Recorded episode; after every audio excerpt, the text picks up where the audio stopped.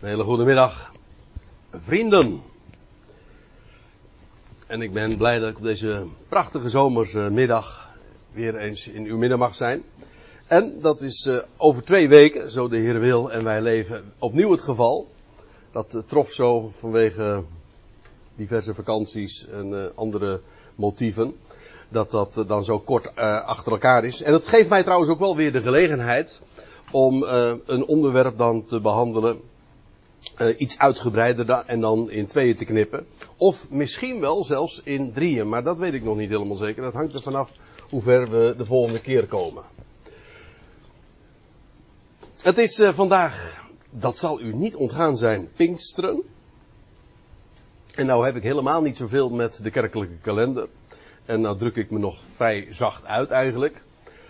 Maar de andere kant is, daar ben ik niet dogmatisch in. Ik wil als de kerkelijke kalender mij op bijbelpassages brengt, ach dan, dan vind ik, uh, het, dan, zouden, uh, dan zouden we niet uh, beroerd zijn om daar toch in ieder geval acht op te geven. Als je Pinksteren zegt, dan zeg je ook, als je het relateert, koppelt aan de Bijbel, dan denk je in ieder geval, lijkt mij, aan Handelingen 2. Het hoofdstuk bij uitstek dat dat ook beschrijft. En u begrijpt inmiddels, als u zo gekeken hebt naar deze dia, dat we het dus gaan hebben over de reden die Petrus op de Pinksterdag gehouden heeft. En voordat ik daar wat meer op ga inzoomen, wil ik eerst nog eventjes iets anders vertellen. En dat is wat Pinksteren van origine is. Want ik zeg, wie Pinksteren zegt, die zegt Handelingen 2, dat klopt. Maar in feite dat hele idee van Pinksteren, de vijftigste dag, want dat is wat Pinksteren betekent, dus eigenlijk komt van het Grieks. En dat betekent Pinksteren is dus de vijftigste dag. En dan moet je terug, om de origine daarvan te zien, naar Leviticus 23. Daar vind je in, successievelijk worden daar al die hoogtijden van Yahweh, want zo heet dat dan officieel. Het zijn niet Israëls hoogtijden, maar de hoogtijden van hem, van Yahweh, worden daar op een rijtje genoemd.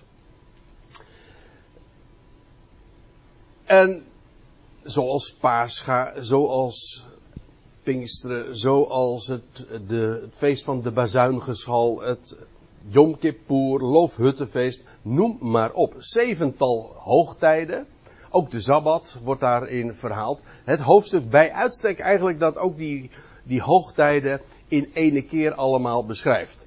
Het is zo dat als je het hebt over de vijftigste dag, nou, dan dat veronderstelt dat er dus geteld is tot vijftig. En dat klopt ook, want als je dat dan in Leviticus 23 naleest, dan zie je dat op de dag dat de eersteling schoof van de gerstenoogst, wordt aangeboden. En dat is in feite daarmee dus ook het officiële begin van de gerstenoogst. Als die eerste schoof van gerstearen wordt aangeboden door de priester aan God. En die zou dan met die, met die schoof ook bewegen voor het aangezicht van Jahweh, zo wordt dat dan genoemd. Vanaf die dag, lees je dan in Leviticus 23, zou men zeven weken gaan tellen. Men zou weken tellen en men zou dagen tellen. U moet namelijk weten, voor dit feest of voor deze hoogtij wordt geen datum gegeven. Er wordt gezegd, het wordt wel een dag uh, genoemd, dat wil zeggen een dag in de week. Het zou zijn de dag na de Sabbat. In het Jodendom heeft men dat later, vond men dat te ingewikkeld en heeft men gewoon daar een datum aan vastgeprikt aan, gekoppeld. Maar officieel wordt hier geen datum genoemd. Het was gewoon de dag van de eerstelingsschoof. En dat was de dag na de Sabbat. Dat, dat was het idee. Dus het was altijd, wij zouden dan zeggen, een zondag. Hm? De dag namelijk na de Sabbat werd, wat ik trouwens nu zeg, dat is omstreden hoor. Want daar zijn ook uh, andere, met name vanuit Joodse hoek, zijn er weer andere inzichten. Dit is in het Jodendom altijd al een, eh, tot op de dag van vandaag heb ik wel eens begrepen, een discussiepunt. Hoe dat precies zit. Maar in ieder geval, er wordt geen datum gegeven. En op die dag van die eerstelingsschoof zou men zeven weken tellen, 49 dagen. En na die 49 dagen, dus na zeven weken, na zeven keer zeven dagen dus, zeven kwadraat, volgt dus de 49, eh, dan na die 49ste dag krijg je uiteraard de 50ste dag. En dat is dan uiteraard opnieuw weer de dag na de Sabbat. En dat luidt dan het begin van de tarweoogst in. De eerstelingen van de tarweoogst. Dus tussen deze dag en deze dag, Pinksteren, de 50ste dag, zitten dus uiteraard 50 uh, eh, dagen, of eigenlijk moet ik zeggen, er zitten 49 dagen. En uh, wij zeggen dan tussen Pasen en Pinksteren. Maar dat is weer niet helemaal hetzelfde, want weliswaar ons Pasen en ons Pinksteren is afgeleid van eh, de, de hoogtijden van, van die God aan Israël heeft gegeven. Maar het is niet één op één hetzelfde. Op, om maar wat te noemen, vandaag wordt er geen, in Israël uh, en in het Jodendom is er geen Pinksterfeest. Die, is zo, het is zelfs zo sterk dat in de, de christelijke kalender is zo georganiseerd dat als Pasen een keer toevallig samenvalt met het Joodse Pesach, dat kan, dat gebeurt bij, bij bepaalde gelegenheden. Dan treedt een andere regel in werking, namelijk dat het dan een week verschoven wordt. Dus als het een keertje, ik ga het nu even cynisch zeggen, als het een keertje een correcte datum toevallig heeft, dan wordt het verschoven, zodat het nooit samenvalt met het Joodse Pesach. En dat, dat, dat heeft al hele oeroude wortels in, van antisemitisme. Maar wat veel belangrijker is in dit geval, uh, de dag van de eerstelingsschoof. Hè, dat is, de, hier begint ook de sabbatentelling. Ze moesten 49 dagen tellen, maar ze moesten ook zeven sabbaten tellen. Hier begint de sabbatentelling. En dit is de eerste van de sabbaten. Of uh, de eerste van die, van die termijn. En dit is de dag dat de Heer Jezus Christus als eersteling opstond uit de doden. Dat had God dus al uh, pakweg 15 eeuw, eeuwen van tevoren vastgelegd en gefixeerd die datum. En 50 dagen later krijg je dus uh, het Pinksteren. Nou, ik, het, het, voert te ver om daar nu uh, dieper op in te gaan. Ik wilde alleen even uitleggen dat als je Pinksteren zegt, dan moet u dus niet denken aan een kerkelijk feest maar aan een Joods feest, dat wil zeggen de vijftigste dag na die dag van de eerstelingsschoof. Er zitten wat haken en ogen aan de bespreking en ik, eh, ik ben nu heel kort en sumier en ik heb allerlei dingen nu niet vermeld. Moeten me nu even niet kwalijk nemen, maar ik wilde dit eventjes naar voren brengen. Dit, hele, deze hele gedachte van die vijftigste dag, die had God al tevoren in de wet van Mozes bepaald, beschikt het is geweldig als je die hoogtijden bekijkt, hoe dat allemaal stuk voor stuk, ook de dag van het paascha bijvoorbeeld, exact weer zijn vervulling heeft gevonden op de dag nauwkeurig met de dood, dood van Christus, zijn opstanding en vervolgens de vijftigste dag worden dan de eerstelingen van de oogst van Israël binnengehaald. Dat is dus wat Pinksteren is. Nou, u ziet, we beginnen nu te lezen bij Handelingen 2, vers 12, omdat ik me specifiek wil richten tot de toespraak die Petrus heeft gehouden. En dat betekent dat ik even als bekend veronderstel wat daar voor heeft plaatsgevonden. Je leest, 120 man was daar in de bovenzaal aanwezig. En met de, de 12 apostelen, het getal 12 speelt trouwens een grote rol in deze in die eerste twaalf versen. Ja, leuk hè. Want je leest over 120 man, dat is 12 maal 10. Over de 12 apostelen. En je leest trouwens ook, tel ze maar eens een keertje op, al die, die nationaliteiten die daar op die dag vertegenwoordigd waren in Jeruzalem. Dat waren er 12 stuks. Iedere keer dat getal 12, wat meteen ons ook weer brengt op het terrein van Israël. En dat is een van de dingen die ik vanmiddag ook heel sterk wil benadrukken. De tekst voert ons voortdurend daar naartoe. Want natuurlijk, en dat is uh, de gedachte waar wij allemaal mee groot geworden zijn. Het is per slotverrekening niet voor niks Pinksteren. En we denken aan een kerkelijk feest. En dat is het niet. Het is een hoogtijd van de Heer, van Yahweh, die hij heeft gegeven aan Israël. En alles wat er ook plaatsvindt op die dag, heeft met Israël te maken. En ik wil ook laten zien dat in de toespraak die Petrus houdt, dat dat heel sterk ook een grote rol speelt.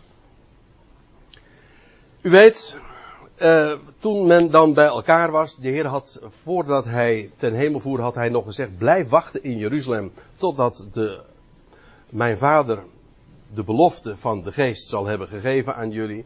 En dat was inderdaad tien dagen later, en dan is het de vijftigste dag. En dan komt die geest, en dat is ook een manifestatie. De, de, de kracht van de Allerhoogste, de geest van God, zou op hen komen als een, als een stortregen. Om even in de termen te blijven waar, waar we zojuist ook over zongen. Die, die, die kwam op hen en het was ook een, echt een zichtbaar fenomeen. Want feitelijk, als we het erover hebben, de geest had men al lang ontvangen. Ik bedoel de twaalf. Op de dag van de opstanding was het toch dat de Heer toen, als de opgestane zich vertoonde en hij blies op hen en hij zei, ontvang mijn geest. Dat was opstandingsleven, wat ze toen ontvingen. Maar de geest, die op hen kwam als een zichtbare manifestatie, dat was 50 dagen later. Dat moet je uh, goed onderscheiden. Dus het ontvangen van de geest als, als leven dat je ontvangt, dat heeft te maken met de dag van de opstanding. En dat Pinkster heeft te maken met de geest die op hen kwam. Afijn, uh, er was een geluid als van een geweldige windvlaag, lees je. En dan vooral uh, je leest dan, eh, er vertoonden zich tongen van hen, op hen als van vuur. En vervolgens begonnen zij te spreken in andere talen. En het grote wonder wat daar toen plaatsvond. Nou ja, laat ik dan uh, hier nu beginnen te lezen. Zij nu waren allen die daar dus waren. De, de vele omstanders, en dat moeten er veel, heel veel geweest zijn, dat blijkt wel, uh, al, al, was het maar omdat uh, als je leest aan het einde van die toespraak, zijn het, is het 3000 man die, die uh, tot inkeer komt. Dus het is een massaal gebeuren geweest die dit, die ook de toespraak van Petrus hebben gehoord. Dat kan niet anders. Afijn, zij nu waren daar allen buiten zichzelf en verbijsterd. Ja, waarom? Nou ja, dan moet je even één vers teruglezen. Daar staat er, wij horen hen, eventjes dus uh, je verplaatsen in de, wat was de situatie? Uh, het was een pelgrims, uh, het was een, ja, vele pelgrims waren er bij die gelegenheid in Jeruzalem, een hoogtij. Dus Jeruzalem was vergeven van vreemdelingen, van pelgrims uit alle delen van de wereld. Nou ja, twaalf nationaliteiten worden dan genoemd. En wat, wat vindt er dan plaats? Ze begonnen te spreken en dan is het wonder wat daar plaatsvindt. Wij horen hen in onze eigen taal van de grote daden van God spreken. Dus dit was een talenwonder. Het waren Galileese mannen. En wat bleek, eh, zij gingen spreken. En waarbij je dan vervolgens natuurlijk de vraag krijgt: was dit nou een spreekwonder of een hoorwonder? Hm? Nou ja, dat, het heeft iets met de tongen te maken, maar dat is trouwens ook niet helemaal uh, terecht, want dat, als je denkt aan tongen, dan, dan, aan de tong, dan heeft het, dan zou je zeggen, het heeft te maken met het spreken, maar het heeft. Mijn moeder, eh, mijn schoonmoeder, die krijgt een telefoontje. Ja.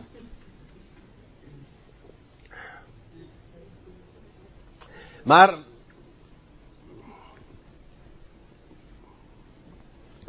Wat was het ook alweer? Oh ja, dat, dat, dat uh, het feit dat dat, uh, dat, dat dan uh, inderdaad zo genoemd wordt, die, de tong, dan zou je zeggen, nou het heeft te maken met het spreken, maar u moet ook weten dat het Griekse woord voor tong, dat, heeft, dat is ook een, een, ander woord voor taal. Afijn, doet niet de zaken, één ding is duidelijk, zij horen hen allemaal in hun eigen taal spreken. Dat was een, een. Nou ja. Ze waren verbijsterd. En buiten zichzelf.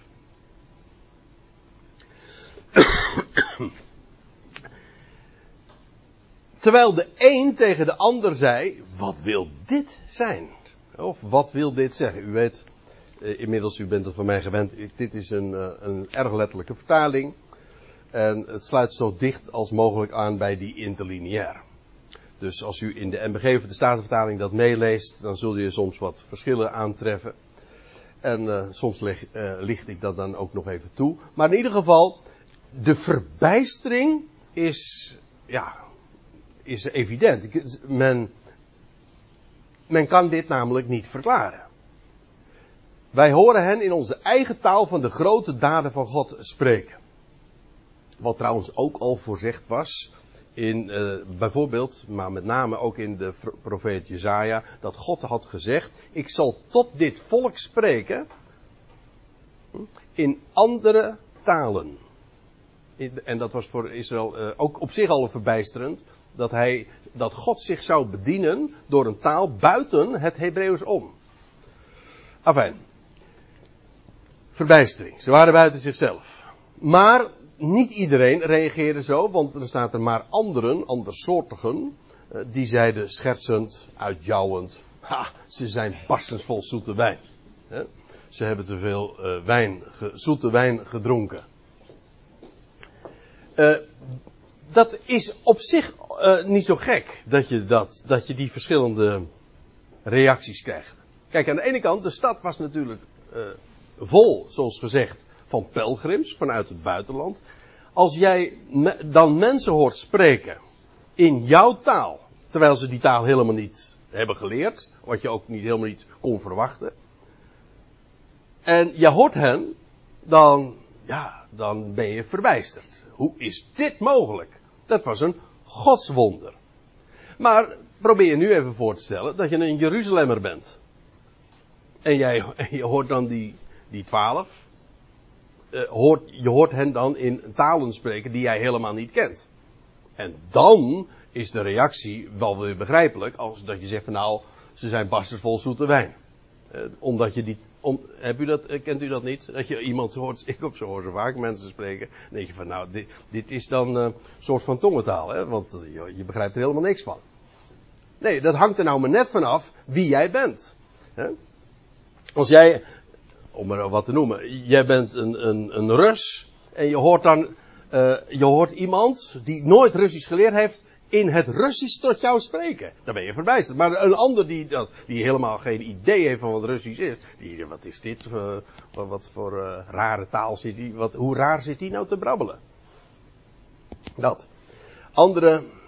En dan moet je dus waarschijnlijk dus denken. Aan, aan de ene kant dus die mensen die hen in hun eigen taal horen spreken. Die zijn verbijsterd. Maar degene die hen uh, zo horen spreken terwijl ze die taal niet kennen. Ja, die reageren dan zo schertsend ze zijn barstens vol zoete wijn. En dan, ga, dan, gaan we er maar eventjes aan voorbij dat de geest inderdaad, maar dan, is het, dan wordt het ineens weer serieus, dat de geest inderdaad uitgebeeld wordt in wijn. Paulus refereert daar bijvoorbeeld ook aan. Uh, dan zegt hij van, uh, wordt niet vervuld. Nee, wordt niet dronken van wijn, of bedrinkt u niet aan wijn, hè, waarin losbandigheid is of bandeloosheid, maar wordt vervuld met of in geest. Met andere woorden, vul je, bedrink je, tussen aanhalingstekens, met datgene waar die wijn een type van is. Maar dat is een ander verhaal. Hier is het dus inderdaad puur schetsend en uh, cynisch bedoeld.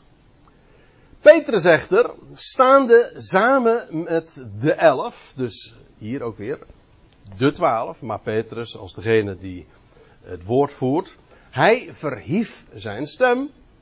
Dat moet je dan ook wel doen, natuurlijk, als er zo'n groot publiek is, getuige de context. Hij verhief zijn stem en hij verwoordde en verwoordde tot hen het, het volgende. Hij neemt het woord en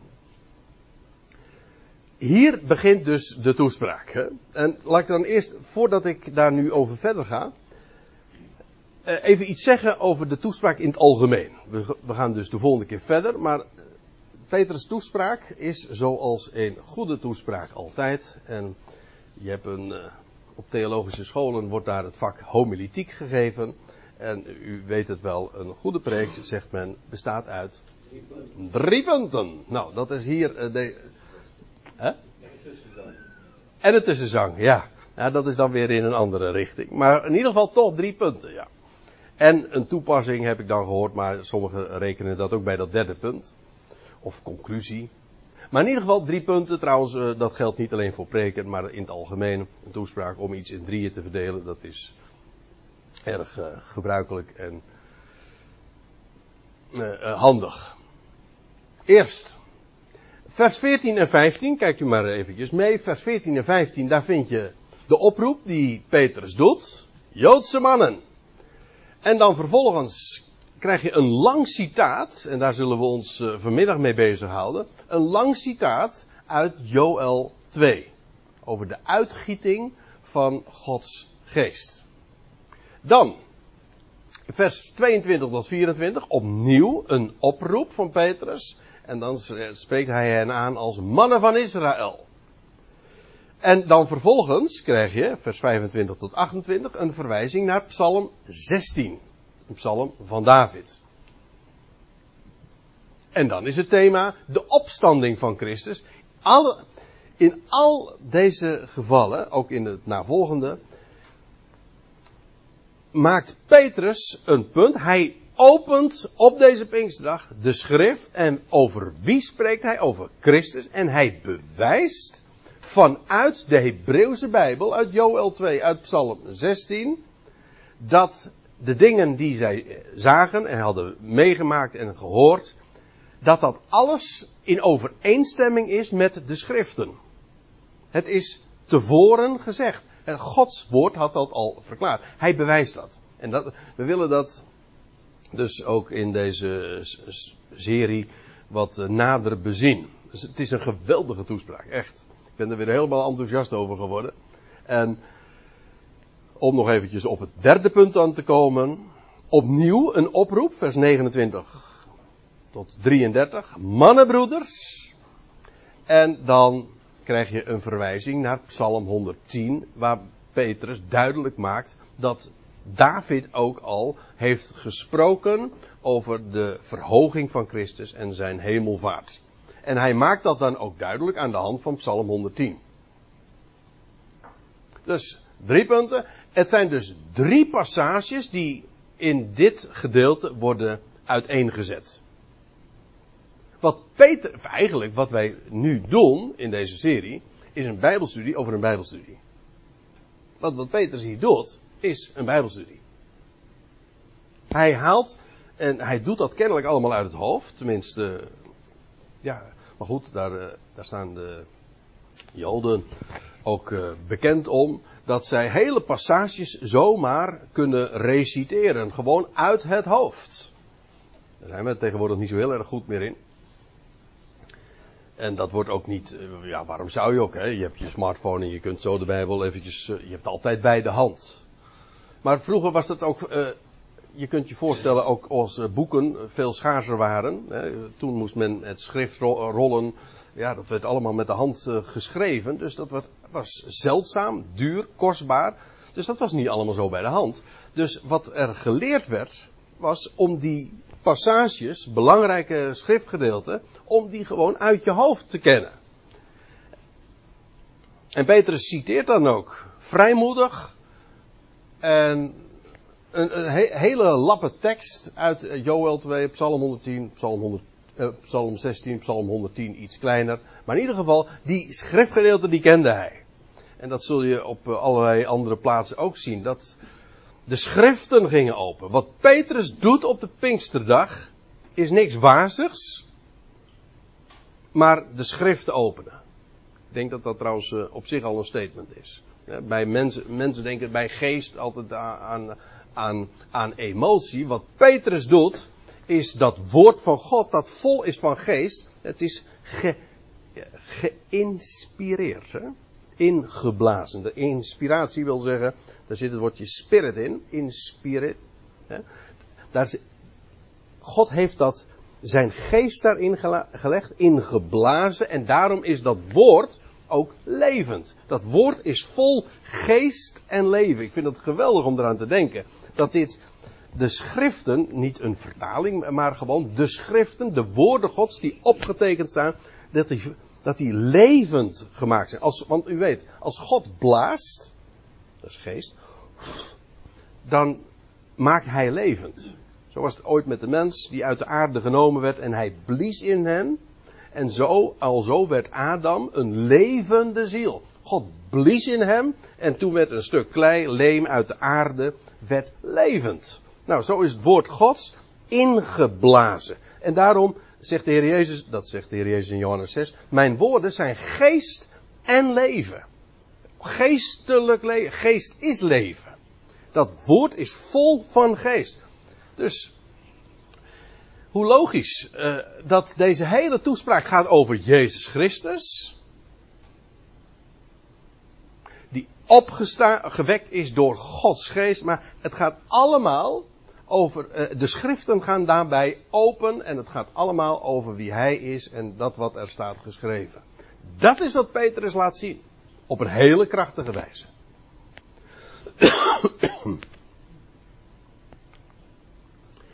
Akkoord, wat gaat Petrus dan zeggen? Staat daar met de elf. Hij neemt het woord, verheft zijn stem en hij verhoort het als volgt. Mannen, Joden, u weet, zo gaat dat. En ik hoop niet dat de dames zich gediscrimineerd voelen. Maar het is zo dat de man wordt aangesproken en daarmee ingesloten is de vrouw. Hè, die uit, de vrouw die uit de man ook is. Hè, van origine, dat is de Bijbelse gedachte. Enfin, hij spreekt hen aan als Joden.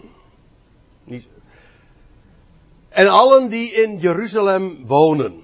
Joden, dus het feit dat hij het zo formuleert geeft aan uh, dat hij zich in de eerste plaats ook richt tot al die pelgrims. Joodse pelgrims uiteraard, die ter gelegenheid van deze hoogtij in Jeruzalem gekomen waren. En dat betekent meteen al dat Handelingen 2 daar staan wij op Israëls bodem.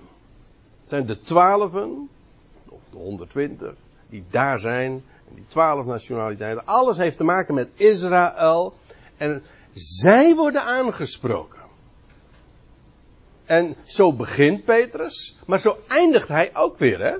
Want als je dan leest aan het einde van de toespraak, daar komen we vandaag dus uiteraard niet aan toe, maar dan staat er in Handelingen 2, vers 36, en nadat hij dus al die passages heeft gelezen en heeft uh, toegelicht, dan zegt hij als conclusie, laat het hele huis van Israël dan zeker weten dat God hem en tot Heer en tot Christus maakte. Deze Jezus die jullie kruisigde. Wie spreekt Paulus, oh, pardon, Petrus hier aan op het tempelplein in Jeruzalem. Ja, dat laat zich raden. Maar het wordt ook sterk benadrukt. Joden.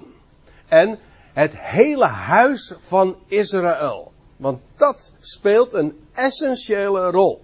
We zullen dat uh, daar vanmiddag alleen maar in bevestigd worden. Waarom? Omdat het huis van Israël zeker moest weten. Hij, ook de, het gaat ook hier weer niet om de emoties, het gaat om weten. En om zekerheid. En de bewijzen komen op tafel. En nou, we zullen dat echt nog uh, wel heel erg duidelijk ook uh, in het vervolg zien. Zoals Petrus ook een appel doet op hun eigen waarneming. En dat wat ze wisten. Dus er was niks wazigs aan. Ik, zeg, ik benadruk dat misschien sterk juist omdat bij ons Pinksteren het meest ongrijpbare is. En dat, uh, dat wordt altijd geassocieerd met iets. Met, ja. Ja, met. Uh, hoe zal ik dat zeggen? Pinksteren heeft inderdaad die reputatie van. En dat op zich zit daar ook wel een logische gedachte achter. Want ja, geest Hè, dat heeft te maken met adem. Dat kun je, je kunt dat niet zien. Nee, maar dan moet je toch uh, eens luisteren naar wat Petrus te melden. Hoe concreet dat is. Kijk, als we het hebben over leven. Dat is ook, kun, je, kun je leven zien? Nee, maar wat het uitwerkt, dat laat zich wel zien. Dat was hier ook. Ik bedoel, die geest die liet zich niet zien. Oké. Het was een geluid als van een geweldige windvlaag. Maar vervolgens wat het concreet manifest werd, zichtbaar, ja, dat was overduidelijk. Dus het is inderdaad Israël die wordt aangesproken. En uiteraard, uh, Petrus richt zich hier tot degenen die in Jeruzalem zich daar bevinden en ook wonen. Laat dit jullie bekend zijn. En, zegt hij, heel plechtig, neem mijn uitspraken ter oren. Want hij moet zich nu gaan verantwoorden. Per slotverrekening, er waren er al die mensen die, die, die daar nu uh, aanwezig waren en die verbijsterd waren en buiten zichzelf, die vroegen, wat wil dit zeggen? Vervolgens was daar oppositie en die daar schetsend over zeiden, ah, ze hebben te veel zoete wijn op. Petrus gaat zich verantwoorden. Hoe? Aan degenen die positief, of in ieder geval verbijsterd waren over dat talenwonder wat daar plaatsvond. Maar ook tegen de aanklacht. Dus hij wil iets gaan bekendmaken. En daarom, hij gaat nu uitspraken doen. En hij vraagt om, dat, uh, om de oren te spitsen. Neem mijn uitspraken ter oren. Want, zegt hij, deze mensen, die zijn niet dronken. Zoals jullie, zoals jullie dat dan opvatten. Hij zegt, eh, nou, om de meest nuchtere uh, reden. Want, zegt hij, het is de het derde uur van de dag. Dat is ongeveer het meest uh, onlogische tijdstip om, om dat dan te veronderstellen. Het was ook schets natuurlijk, maar Petrus benadrukt juist, het is derde uur van de dag. Waarbij je trouwens moet bedenken, het derde uur van de dag. Uh, God noemde het licht dag. Op het moment dat de zon opkomt, dan is het dag. Ja? En dat betekent dus dat als het derde uur van de dag, als je er even vanuit gaat dat een dag begint uh, in Israël rond een uur of zes in de ochtend, hè, dan was het dus rond negen uur s morgens. Het is het derde uur van de dag. Dus die uh, veronderstelling of dat wat zij zo hadden gesuggereerd, dat is uh, absurd. Dat uh, kun je eigenlijk alleen maar zeggen wanneer je een glaasje op hebt, zou je elkaar zeggen. Dus het verwijt zou zich eigenlijk kaatst zich terug naar hen. Dat is toch, dat is belachelijk. Dat is helemaal niet aan de orde. Maar, en nou komen we even op een heel belangrijk punt. Dit is wat uitgesproken is door de profeet Joël. En ik zal u vertellen, dit is dit is een heel problematisch punt. Want waar doelt Petrus nu op? Ja, nou hij gaat nu een lang citaat geven uit het boek Joël, de profeet Joël.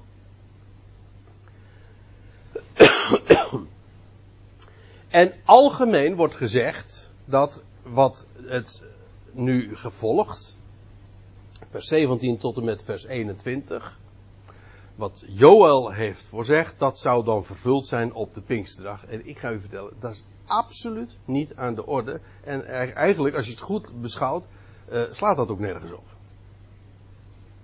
Ook, dat moet ik nog nader uh, toelichten, maar. Kijk, meestal is het zo dat men zegt, ja, dit is, uh, dat duidt dan op het spreken in tongen. Maar het, dat, dat, die, die uitleg kan om twee redenen niet. A. Joël, die vervolgens geciteerd wordt door Petrus, die heeft het helemaal niet over dat spreken in tongen. Daar komt nog iets bij, en dat is een grammaticale reden, die, vind je, die kunnen we maar deels volgen in het Nederlands. Maar in het, uh, uh, een aanwijzend voornaamwoord, zoals dit, dat, in het Grieks dus het Grieks is buitengewoon precies. Een, een precisie waar onze Nederlandse taal totaal niet aan kan tippen. Maar uh, als je dit leest in het Grieks, dit is, dan is dat, dan weet je, dit moet verwijzen, dat, het, dat verwijst altijd. Als ik zeg dit, hè, als ik zeg uh, dit boek, dan wil dat zeggen, uh, dan wijs ik op iets. Hè. En dat raam, dat zijn aanwijzende voornaamwoorden. Wel, in het Grieks is het zo dat als, uh, als hier staat dit is, dan zie je, dan zie je in het Grieks dat dit enkelvoud is. Het verwijst naar iets één ding. Het kan namelijk ook, als het, het kan ook naar iets meervoudigs wijzen. dan is het, uh, dat, wij, dat, heb, dat kennen wij trouwens in het Nederlands ook. Dit boek en deze boeken. Dan zie je gewoon aan de wijze hoe het woord gebezigd wordt. Of het uh, betrekking heeft op, op een enkelvoud of, het, uh, of, of, op een meervoud. Als ik zeg, uh, je kan niet zeggen dit boeken.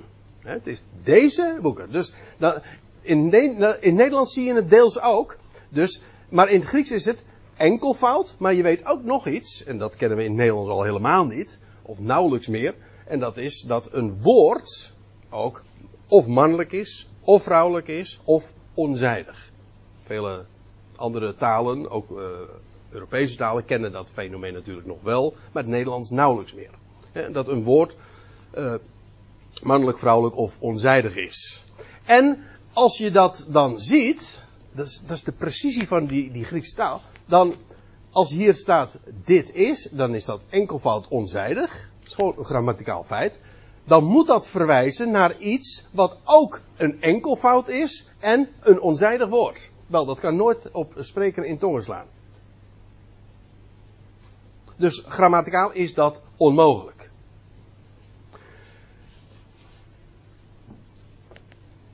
Waar het wel op kan slaan, het kan eh, op de, als ik zeg van dit, ja, dan, dan verwijst dat uh, naar iets. Uh, wat uit de context dan moet blijken.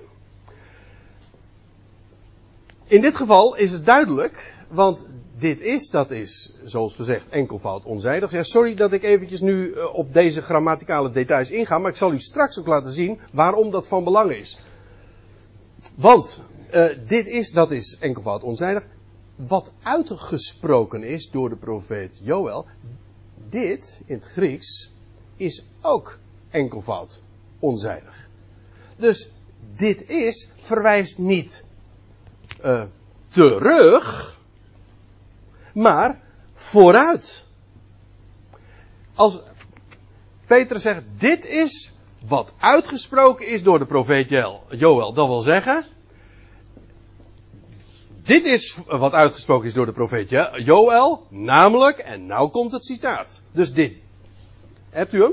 Hij, hij verwijst dus niet terug naar uh, dat talenwonder. Hij zegt, ik ga jullie wat vertellen. Ik wil jullie wijzen op de schrift. En dit is wat de profeet Joel heeft gesproken. Dubbele punt. En die heilige gedachte, en ik heb het heel vaak gehoord, sterker nog, ik heb het. En ik maak me sterk, ik ga geen, uh, ik ga het niet na, navragen, maar ik maak me sterk dat uh, verreweg de meesten dat ook altijd gedacht hebben. En ik heb het zelf ook altijd in die uh, gedachte geleefd van, ja, Petrus die zegt dan toch maar van, ja, dit is wat uh, gesproken is door de profeet Joël. Oftewel, wat jo in Joël staat, dat is vervuld op de Pinksterdag. Uh. Dat zegt hij niet. Hij zegt, hij, hij neemt het woord en hij zegt van, ik ga jullie, uh, terwijl er, terwijl de alle aandacht was op dat talenwonder, Petrus gaat zich verantwoorden en dan zegt hij van, ik ga jullie wat vertellen. Ik ga jullie wijzen op wat er uh, in de profeten staat. En dit is wat in, door de profeet Joël is uitgesproken. En dubbele punt. Het, en nou gaat het komen. Begrijpt u wat ik wil zeggen? Ik hoop dat ik het duidelijk gemaakt heb. Maar dit is, dit is buitengewoon belangrijk. Want het citaat wat volgt, dat past namelijk totaal niet zou je zeggen, op de gebeurtenissen van de Pinksterdag. Maar dat is ook helemaal niet wat Petrus claimt. En daarom uh, ben ik er ook even wat uitgebreider op ingaan. Dit is, dit is buitengewoon belangrijk om goed te verstaan. En Petrus heeft een reden om naar de profeet Joël toe te gaan. Absoluut. Want hij, eh, dat, is, zijn, zijn betoog is opgebouwd juist om hen iets duidelijk te maken. Er is trouwens ook wel een connectie. Want ook Petrus, uh, zoals Petrus uh, daar in Jeruzalem die, die uitstorting van de geest meemaakte. En al die mensen daar in Jeruzalem en dat zagen. Wel, ook Joël spreekt over een uitstorting van geest. Maar in een heel andere context. En dat wil ik u laten zien. Dit is wat uitgesproken is door de profeet Joël. Nou, laten we eerst eventjes, voordat we nu verder gaan in die toespraak van, van Petrus, laten we eerst eens even naar Joël 2 toe gaan.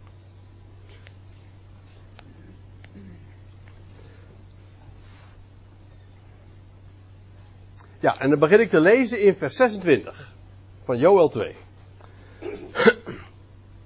En dan, zegt hij, dan wordt voorzegd door Petrus, uh, door uh, Joël, gij zult, jullie zullen volop en tot verzadiging eten. En gij zult loven de naam van Yahweh, uw God, die wonderbaar met u gehandeld heeft. Mijn volk zal nimmer meer te schande worden. Over wie gaat dit? Nou, lijkt me duidelijk, over mijn volk. Israël dat weer ook uh, Ami zal zijn. Gods volk. Nou verwijs ik trouwens weer naar een andere profeet, en dat is Hosea. Maar goed, in ieder geval, me, uh, God noemt zijn volk mijn volk en het zal, hij belooft, het zal nimmer meer te schande worden. Dat betekent dus dat we hier ook inderdaad in een eindtijdelijke setting zijn. Uh, hier, dit moet aan de aanvang, dat weet je eigenlijk meteen al uit zo'n formulering van dit moet de aanvang van het Messiaanse Rijk zijn. Dat al het lijden voor Israël als nationaal uh, entiteit, als volk, uh, dat dat voorbij is. En ook, zij zullen de naam van Yahweh loven.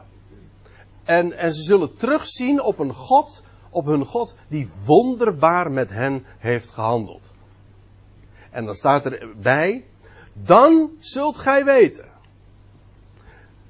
dat ik in het midden van Israël ben. En dat ik, Jaweh, uw God ben. En niemand anders. Mijn volk, en dan volgt een herhaling, mijn volk zal nimmer meer te schande worden. Zie je? En nou, en dan staat er in vers 28, daarna zal het geschieden dat ik mijn geest zal uitstorten en, nou ja, en dan krijg je uh, dat wat Petrus dan vervolgens citeert. Maar waarom lees ik dit nu eerst even in de profeet Joël? Om duidelijk te maken dat Joël het heel duidelijk ook in een chronologisch verband zet. Dat wil zeggen, hij, hij wijst ook aan uh, in welke reeks van gebeurtenissen die uitstorting van de geest plaatsvindt. Dat is wanneer Israël hersteld zal zijn, wanneer God in hun midden zal zijn en, hen, en zij hem ook zullen kennen. En zij zullen weten dat hij in het midden van Israël is. Kortom, ja, hier praat je echt over een, een tijd, ja, die we maar al te goed bij de profeten kennen. En dan, daarna zal het geschieden dat ik mijn geest zal uitstorten. Zie je? Joel plaatst dit, die gebeurtenis van de geest die uitgestort wordt in een duidelijke ja, context, in een, een, een samenhang van een, een, reeks van gebeurtenissen. Vandaar ook dus uh, dan zullen jullie weten en daarna. Nou ja, enzovoorts. Nou, dat. Wij weten nu wat er in Joel staat. Nou, en dan gaan we terug naar Petrus. Uh, Petrus zegt, dit, wat nu volgt, is wat uitgesproken is door de profeet Joël. En dan zegt hij, en het zal zijn in de laatste dagen, zegt God. Petrus citeert nu even vrij. Hij, hij, uh, want wat hadden we gezien? Uh, in Joël 2 wordt hier gesproken over daarna. Maar omdat Petrus uh, maar één gedeelte aanhaalt, begint hij, zegt hij meteen ook wanneer het is. Dit is dus toelichting van Petrus. Dit hoort niet bij het citaat zelf. En het zal zijn in de laatste dagen. Dan weet je dus ook meteen uh, dat het inderdaad waar is. Hè? In een, uh, ik, zei, ik sprak zojuist over een eindtijdelijke setting. Dat zal zijn in de laatste dagen. Dat is wat Petrus ook zegt. Het zal zijn in de laatste dagen, zegt God, dat ik zal uitgieten, uitstorten. Je denkt inderdaad, nou ja, ik denk nu een beetje in de termen van het lied waar we, waar we mee begonnen. Hè? Plasregens, een stortregen dat ik zal uitgieten vanaf mijn geest. Ja, ja, u vindt dit misschien wat vreemd. En ik heb ook geaarzeld om het zo weer te geven, want het is een beetje vreemd Nederlands, dat geef ik direct toe. Maar eh, zo wordt het wel uh, in de grondtekst uh, gebruikt. Hè. Ik zal gieten vanaf de geest. Vanaf mijn geest op alle vlees. dat wil zeggen, op alle vlees. En we zullen dat ook zien. Eh, maar dat, we zagen het zojuist al in Joel 2, namelijk van de Israëlieten. Daar gaat het over. Uh, dat uitgieten. Ja, dat is een, een, een beeld wat we ook uh, op andere plaatsen nogal eens uh, tegenkomen. Oh, daar kom ik trouwens straks nog over te spreken. Dat is ook zo. Want als ik nog andere profeten in het even oproep die daar ook over spreken. Afijn, Peter zegt het zal zijn in de laatste dagen dat ik zal uitgieten vanaf mijn geest op alle vlees. En zij zullen profiteren, jullie zonen, jullie dochters. Aha, hier zie je dus inderdaad, het gaat over dat volk van Israël. Jullie zonen, jullie dochters. En zij zullen profiteren. Wanneer? in het laatst der dagen. Heeft, neem me niet kwalijk. Heeft Petrus uh, nu gezegd van de, uh, wat, uh, wat nu in Joel staat, dat dat op, op de dag dat hij dit nu allemaal vertelt, dat dat vervuld is? Heeft hij helemaal niet gezegd. Het wordt altijd zo uitgelegd. Of, ja, sorry, bijna altijd. Maar dat, heeft, dat zegt hij niet. Dat zou ook een volkomen, ja, een miskleun zijn, want daar gaat het helemaal niet over uh, over. Het, en A, de tijd is volkomen duidelijk waar het over gaat. Namelijk in de laatste dagen na Israëls bekering. Als zij, het huis van Israël, zal weten wie de Heer is, dan zal dat plaatsvinden. En niet alleen wanneer het zal plaatsvinden, maar ook over wie. Namelijk over jullie zonen, jullie dochters, het huis van Israël. En jullie jongelingen zullen visioenen zien en jullie ouderen zullen dromen dromen. En ja, dat is dus de jongelingen van Israël hè, en de ouderen van Israël. Na hun nationale bekering. Kijk het na. De context van Joel, het is volkomen helder, het zal zijn in de laatste dagen. En wij maar denken, dat het gaat over de kerk. Hè, en, dat, uh, en dat het gaat over charismatische verschijnselen. En dat mensen nu komen. Ik heb dromen gedroomd en ik heb visioenen gezien. Uh, want ja, dat staat in Joel allemaal. En uh, dat, is toch, dat is toch Pinkster hè, voor ons. Mensen, het is. Ik zeg het misschien wat scherp. Is diefstal. Het is gewoon diefstal. Je neemt woorden die God heel uitdrukkelijk geadresseerd heeft bovendien heel uitdrukkelijk ook getimed heeft. Hij heeft gezegd Israël. Hij heeft gezegd laatste dagen. Nadien. Dat wil zeggen na Israëls bekering. En Joel. En Petrus in handelingen 2 is volkomen helder daarover. En over de adressering en over het tijdstip dat dit alles zijn vervulling zal vinden. Waarna natuurlijk een andere vraag is, waarom begint Petrus daarover te spreken? Ja, nou, dat, dat, dat, daar moeten we het nog over hebben. Waar, maar één ding is duidelijk. Dat Joël spreekt in die profetie over de laatste dagen, over Israël en over de gebeurtenissen uh, na Israëls nationale bekering. En dan zullen de jongelingen visioenen zien en oudere dromen dromen. En geen kinderspellen en geen fake. En geen, geen nep en allemaal van dat, ja, ik gebruik weer het woordje, waar, wazig. Waar je geen touwen van kan vastknopen. Nee, gewoon duidelijke goddelijke fenomenen. Zo duidelijk als. Weet u, dat is typisch voor de mens. Alles wat de mens doet. En eh, naar zichzelf toetrekt, ten onrechte. Dan heet het dus diefstal. Als iets voor een ander bestemd is en jij neemt het en je gebruikt het voor jezelf. En je past het voor jezelf toe. Dan is dat gewoon diefstal. Het is namelijk helemaal niet aan jou gezegd. Het is niet voor jou bedoeld. Het is niet aan jou beloofd. En je pakt het gewoon af. En dan ben je dus feitelijk bezig met een, een rollenspel, hè? zo heet dat toch? Je neemt je een rol aan. Uh, uh, je, denkt iemand, je denkt Israël te zijn. En de dingen die over dat volk geprofiteerd zijn, die, ja, die leg je, die pas je dan op jezelf toe. Met als gevolg dat je gewoon uh, iets doet wat helemaal, wat je niet bent. En dat is dus gewoon, ja, is een aandoening. Hm? In de psychologie spreken we daarover een aandoening. Als je, als je zoiets, dat is projectie, of hoe het maar eten mag. En het resultaat is ook dat terwijl dat straks in de laatste dagen iets zo onmiskenbaar zal zijn, zoals het ook onmiskenbaar was op de Pinksterdag. Die, dat talenwonder, mensen, dat was echt een wonder. Dat al die duizenden mensen hoorden hen in hun eigen taal spreken. Dat is een godswonder. En nu, als we het nu hebben over glossolalie, hè, over dat spreker in tongen, dat is fake. Dat is mensen. Dat, dat is inderdaad brabbeltaal. Dat is, dat, dat lijkt niet op dat wonder wat er in Pinkster, eh, op de Pinksterdag plaatsvond daar in Jeruzalem. Dat was onmiskenbaar dat al die buitenstaanders zeiden, hoe is dit mogelijk? Dat, dat zij onze taal spreken en dat we de grote daden gods hoorden. Hoe is het mogelijk?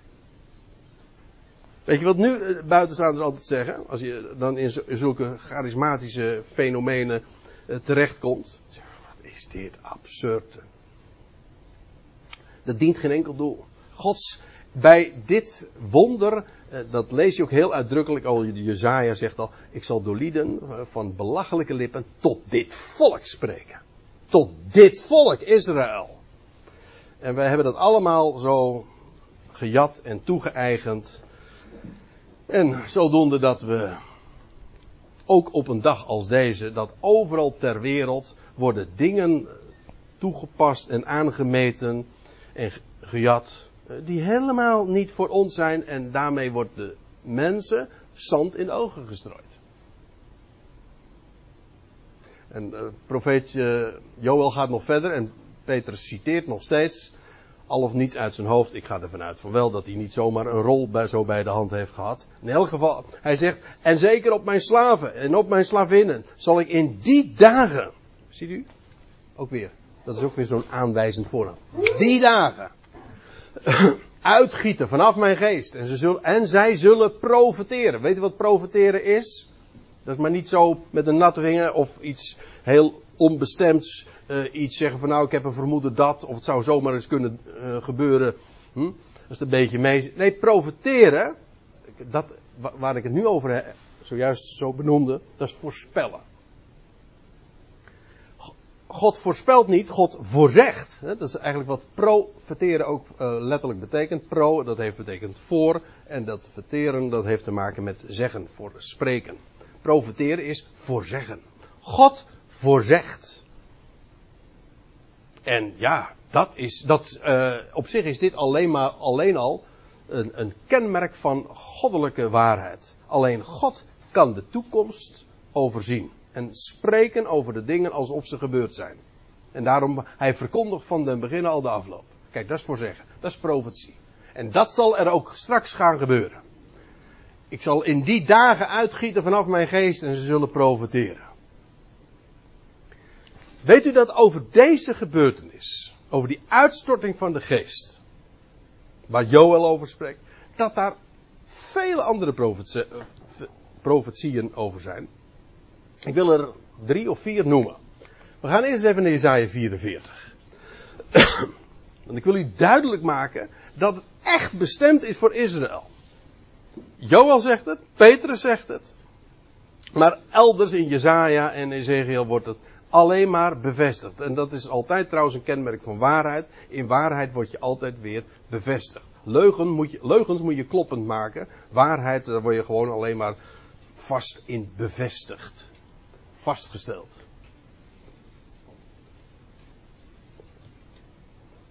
Nou, Jezaja 44, vers 1. Maar nu, hoor, o Jacob, mijn knecht, en Israël die ik verkoren heb. Jacob wordt Israël. Let op. Zo zegt Yahweh, uw maker, en van de moederschoot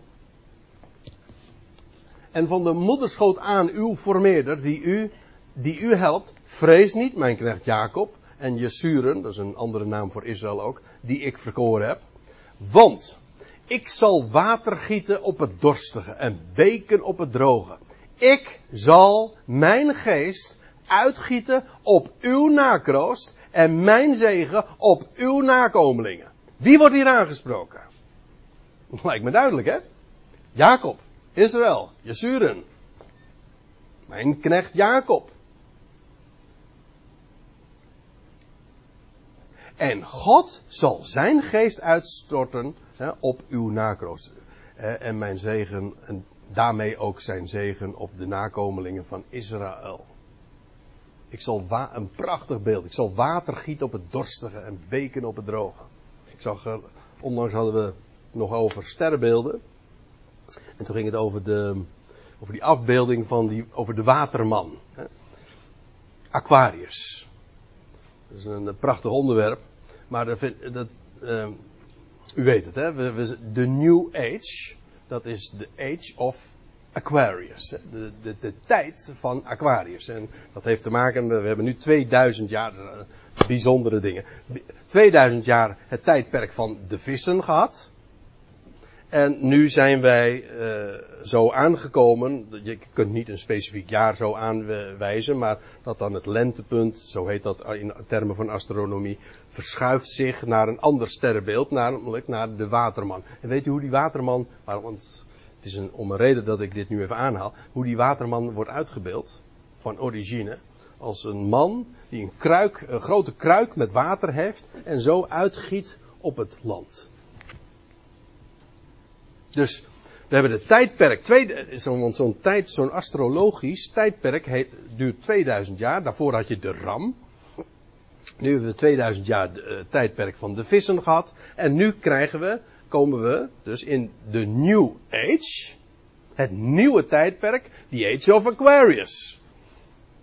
Ja, het tijdperk van Aquarius. De waterman, en dat is die man die, hoezo waterman? Wel, hij giet het water er zijn er nog hele verhalen nog weer aan, aan, gekoppeld.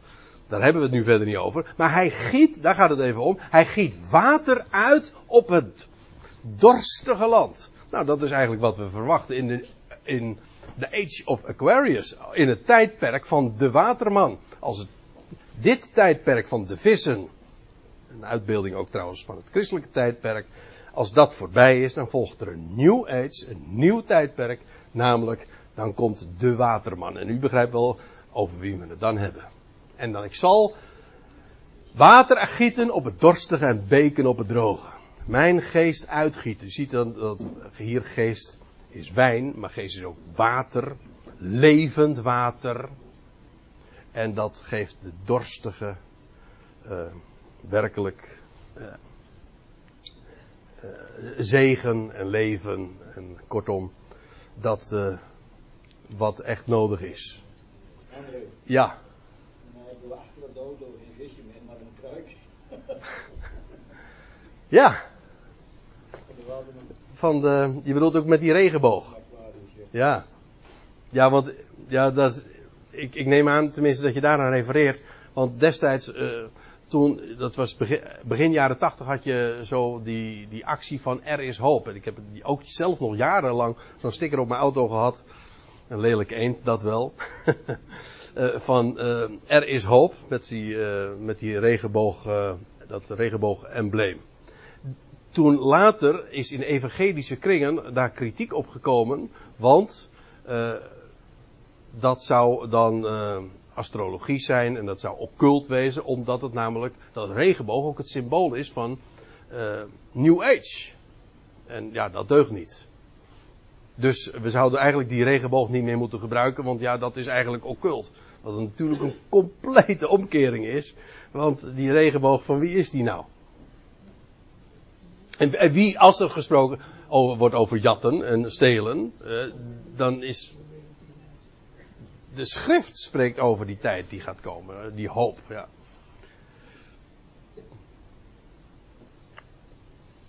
Nou ja, ik zal mijn geest uitgieten op uw nakroost. uh, Jezaja 59.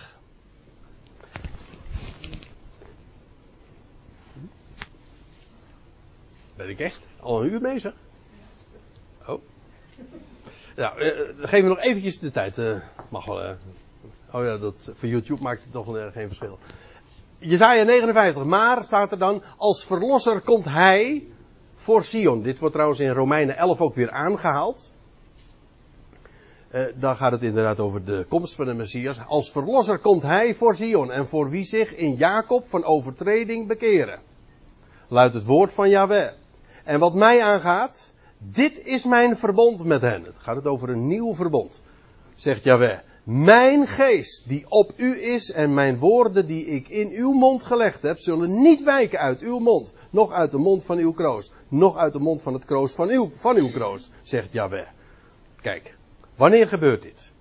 Nee, weer even twee vragen. Aan wie wordt dit gezegd? Nou, voor Zion en voor degene die zich in Jacob van overtreding bekeren. En wanneer gebeurt dit? Wel, als de verlosser komt voor Zion. En, wan, en wat vindt er dan plaats? Wel, dan wordt er een nieuw verbond gesloten. Dit is mijn verbond met hen. En dat is het verbond van de geest, inderdaad. Mijn geest die op u is. En wat er dan gebeurt, is dat de woorden die ik in uw mond gelegd heb, de woorden die ze al kenden, die gaan dan, uh, die zullen dan niet meer wijken uit uw mond. En die zullen dan ook werkelijk uh, gaan leven voor hen. De bedekking wordt weggenomen en dat, ja, dat is dat uh, nieuwe verbond. Nog één. Jezaja 36, pardon, Ezekiel 36. Daar staat er, ik zal u weghalen uit de volkeren. Hier wordt gesproken over de verzameling van Israël uit de volkeren. En u bijeen vergaderen uit alle landen. En ik zal u brengen naar uw eigen land. Moet u u voorstellen, Ezekiel profeteert dit. Dit was in de dagen dat Israël, althans een deel van Israël, van Juda, was in Babylonische ballingschap was gegaan. In Babel dus. Maar Ezekiel profeteert hier dat Israël een keer verzaam, verstrooid zou worden over alle volkeren. Maar ook, in veel verdere toekomst, dat zij weer uit die volkeren terug zouden keren en, en bijeenvergaderd zouden worden uit alle landen. En ik, dat is geen eigen werk, dat is Gods werk. Ik zal u brengen naar uw eigen land. Ik zal rein water over u springen, daar hadden we het al over. Een nieuw hart zal ik in u geven, een nieuwe geest in uw binnenste. Het hart van steen zal ik uit uw lichaam verwijderen en ik zal u een hart van vlees geven. Mijn geest zal ik in uw binnenste geven. Hier heb je het weer. En maken, en, en maken, dat wil zeggen, ik maak dan dat gij naar mijn inzettingen wandelt. Dan, dan leven ze niet meer onder de wet, maar dan wordt de wet in hun hart geschreven. Dat is een karakteristiek voor het nieuwe verbond en naastig mijn veronder, verordeningen onderhoudt. Ziet u, dit is dan geen, niet meer iets wat hen opgelegd is, maar hij zelf maakt dat zij dat zullen doen. Mooi, hè? En gij, zult, en gij zult wonen in het land dat ik uw vader gegeven heb. En gij zult mij tot een volk zijn en ik zul u tot een God zijn. Duidelijk, hè? Wanneer dit is en over wie dit gaat. Nou, nog eentje. Ezekiel 39. En als ik hen uit het gebied van de volkeren terugbreng en hen uit de landen van hun vijanden verzamel, dan zal ik mij voor het oog van talrijke volkeren aan hen de heilige betonen. Betonen, bewijzen. God gaat dat doen met zijn volk. En, uh, maar hij zal dat ook aan de volkeren bewijzen. Concreet. Zodat er geen twijfel mogelijk is. Hè? En ik zal mijn aangezicht niet meer voor hen verbergen. Dat is feitelijk de tijd waarin wij nu leven. De Heer verbergt zijn aangezicht. We zien hem niet. Het wordt hem kwalijk genomen. Hij is verborgen. Wij leven in de tijd van de verborgenheid. En straks wordt hij openbaar. De, de openbaring van hem. En ik zal mijn aangezicht niet meer voor hen verbergen, wanneer ik mijn geest over het huis Israëls heb uitgestort. Luidt het woord van de Heer Jahweh. God doet dat.